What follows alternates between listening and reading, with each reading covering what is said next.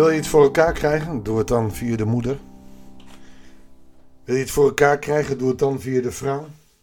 Immers, hij is het zwakke geslacht. Het is altijd nog zo geweest. Op slinkse wijze iets gedaan te krijgen. Er is echter één klein, kleine kink in de kabel.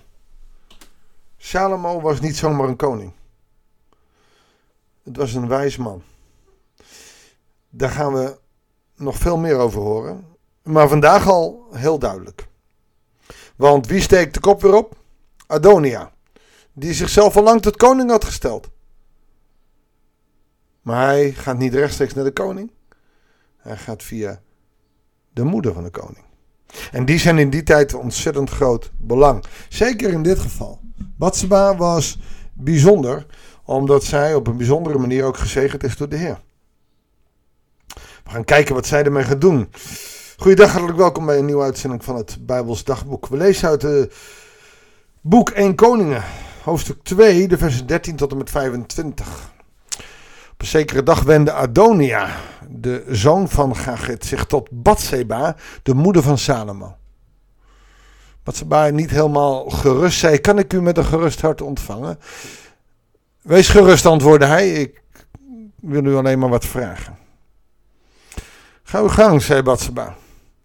Toen zei Adonia, u weet dat het koningschap mij toekwam. Heel Israël verwachtte dat ik de koning zou worden. Maar de Heer besliste anders en het koningschap ging over op dat van mijn broer. Adonia geeft hier aan dat hij heel goed weet dat het koningschap door God aan hem gezegd is. En toch zegt hij, klopt het niet. Ik was, ik had het moeten zijn. En daarin zie je ook meteen zijn strijdlustigheid en zijn tactiek. Hij doet het niet rechtstreeks, want hij weet dat hij bij Salomo niet aan moet komen. Hij heeft wijsheren. Die, een koning heeft altijd een groep wijze mensen op zich heen.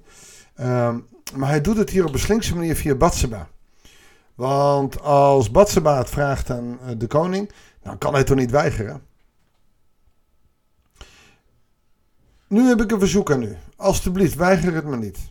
Ga verder, zei Batseba. Wilt u aan koning Salomo vragen of hij mij de hand wil schenken van Abisag uit Sunem? Wie is die Abisag? Dat is die knappe jonge deerne die op het sterfbed van David bij hem moest liggen om hem warm te krijgen. Met wie David geen gemeenschap had gehad. Dat staat er nog duidelijk bij. Het is niet helemaal helder waarom uh, Adonia dat vraagt. Uh, wat wel helder is, dat hij daarmee probeert macht te krijgen en status te krijgen. Immers, dit was dus een van de bijvrouwen die op het laatst van koning Davids leven heel belangrijk voor hem was. Um, meer nog dan zijn andere vrouwen, en waarschijnlijk omdat ze geen gemeenschap hebben gehad, wil hij invloed hebben door haar te nemen. Het is zomaar een, een jonge dame die uitgekozen is om haar schoonheid. En theologisch kun je er weinig van breien waarom dit nou zo belangrijk is. We gaan kijken hoe Salomo erop reageert. Goed, zei Batseba. Ik zal bij de koning voor u pleiten. Batseba ging naar de koning om met hem over Adonia te spreken. En de koning stond op, kwam haar tegemoet en knielde voor haar. Toen ging hij weer zitten en liet voor de koningin moeder een tweede troon aandragen. Ze nam plaats aan zijn rechterhand en zei: Ik heb een klein verzoekje aan u. Alsjeblieft, weiger het me niet. De koning antwoordde: Vraagt u maar, moeder, ik zal het u niet weigeren. Hier moet Salomo leren dat hij niet te snel zegt: Oh, dat doen we wel even. Hij is gevoelig voor zijn moeder. Het is immers enig kind, tenminste zover als wij weten. En, zijn vader is vermoord en hij is de zoon van David. En ik denk dat hij het verhaal wel weet, maar ze zijn in ieder geval heel close met elkaar. Daarom kan, uh, komt er een troon bij. Dan laat hij zien van, ik heb heel veel respect voor u. Batseba vroeg, kan uw broer Adonia de hand krijgen van Abisag uit Sunem? Koning Salomo antwoordde zijn moeder, waarom vraagt u voor Adonia de hand van Abisag? dat kunt u net zo goed het koningschap voor hem opeisen. Je ziet hier dat ehm, Salomo doorheeft dat Adonia bezig is invloed zich te verwerven door langzaam stapje voor stapje ehm, mensen voor zich te winnen.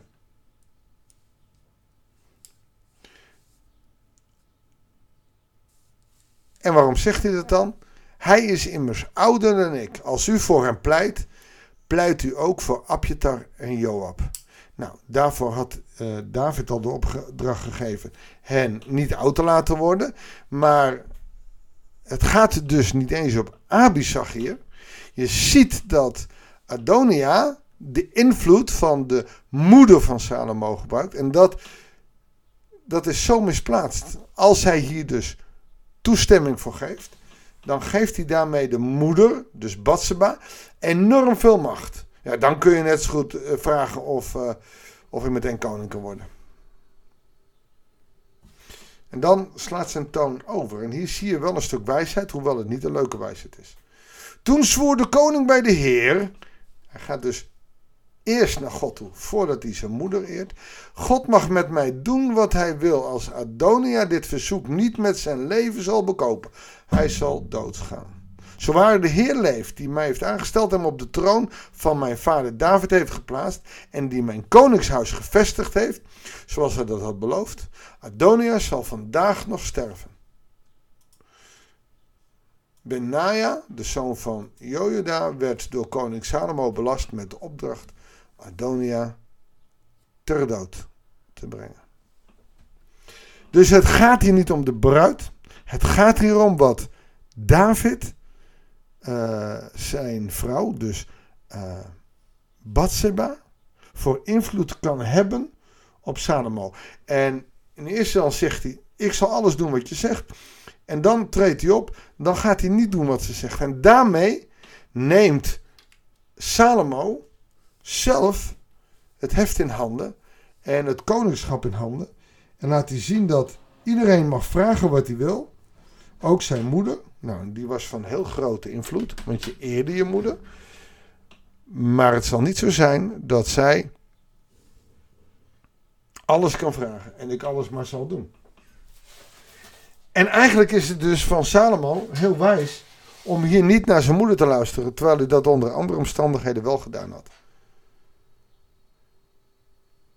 En de tactiek van Adonia om dit zo te doen, dat moet hij bekopen met de dood. Je zult Salomo niet voor je karretje kunnen spannen. Nou, ik denk dat, uh, dat dat helder is. Dat we politieke spelletjes niet moeten spelen. En dat we strijd moeten zijn. En als God iemand aanstelt, dan zullen we dat moeten respecteren. Ook al is het onze vriend of vriendin niet. Helder toch, dit verhaal? Slinkse wijze probeert Adonia toch nog zijn ego te laten gelden. Hij moest koning zijn. Let eens op vandaag hoeveel mensen op slinkse wijze, politiek correct, proberen jou voor je karretje te spannen. Laat staan dat ze God voor, zijn karretje willen, voor hun karretje willen spannen.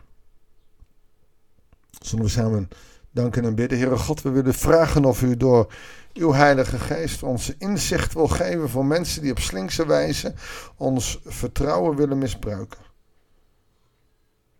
Geef ons kracht en wijsheid om dat in te zien opdat wij net als Salomo uw wil volgen. En niet wat onze geliefden, onze naasten, ons allemaal proberen te ontfutselen. Want alleen uw naam mag groot gemaakt worden. En alleen uw wil moet gedaan worden. Ook al gaat dat soms tegen onze eigen natuur in. Heer, wilt u ons daarmee helpen om net als Salomo wijs te zijn. En dat kan doordat u hem de geest gaf. Wil ook onze geest sterk maken ons, zodat wij die wijsheid in pacht mogen hebben. Heer, dat bidden wij u in Jezus' naam. Amen. Dankjewel voor het luisteren. Ik wens je ook voor vandaag weer God zegen en heel graag tot de volgende uitzending van het Bijbels Dagboek.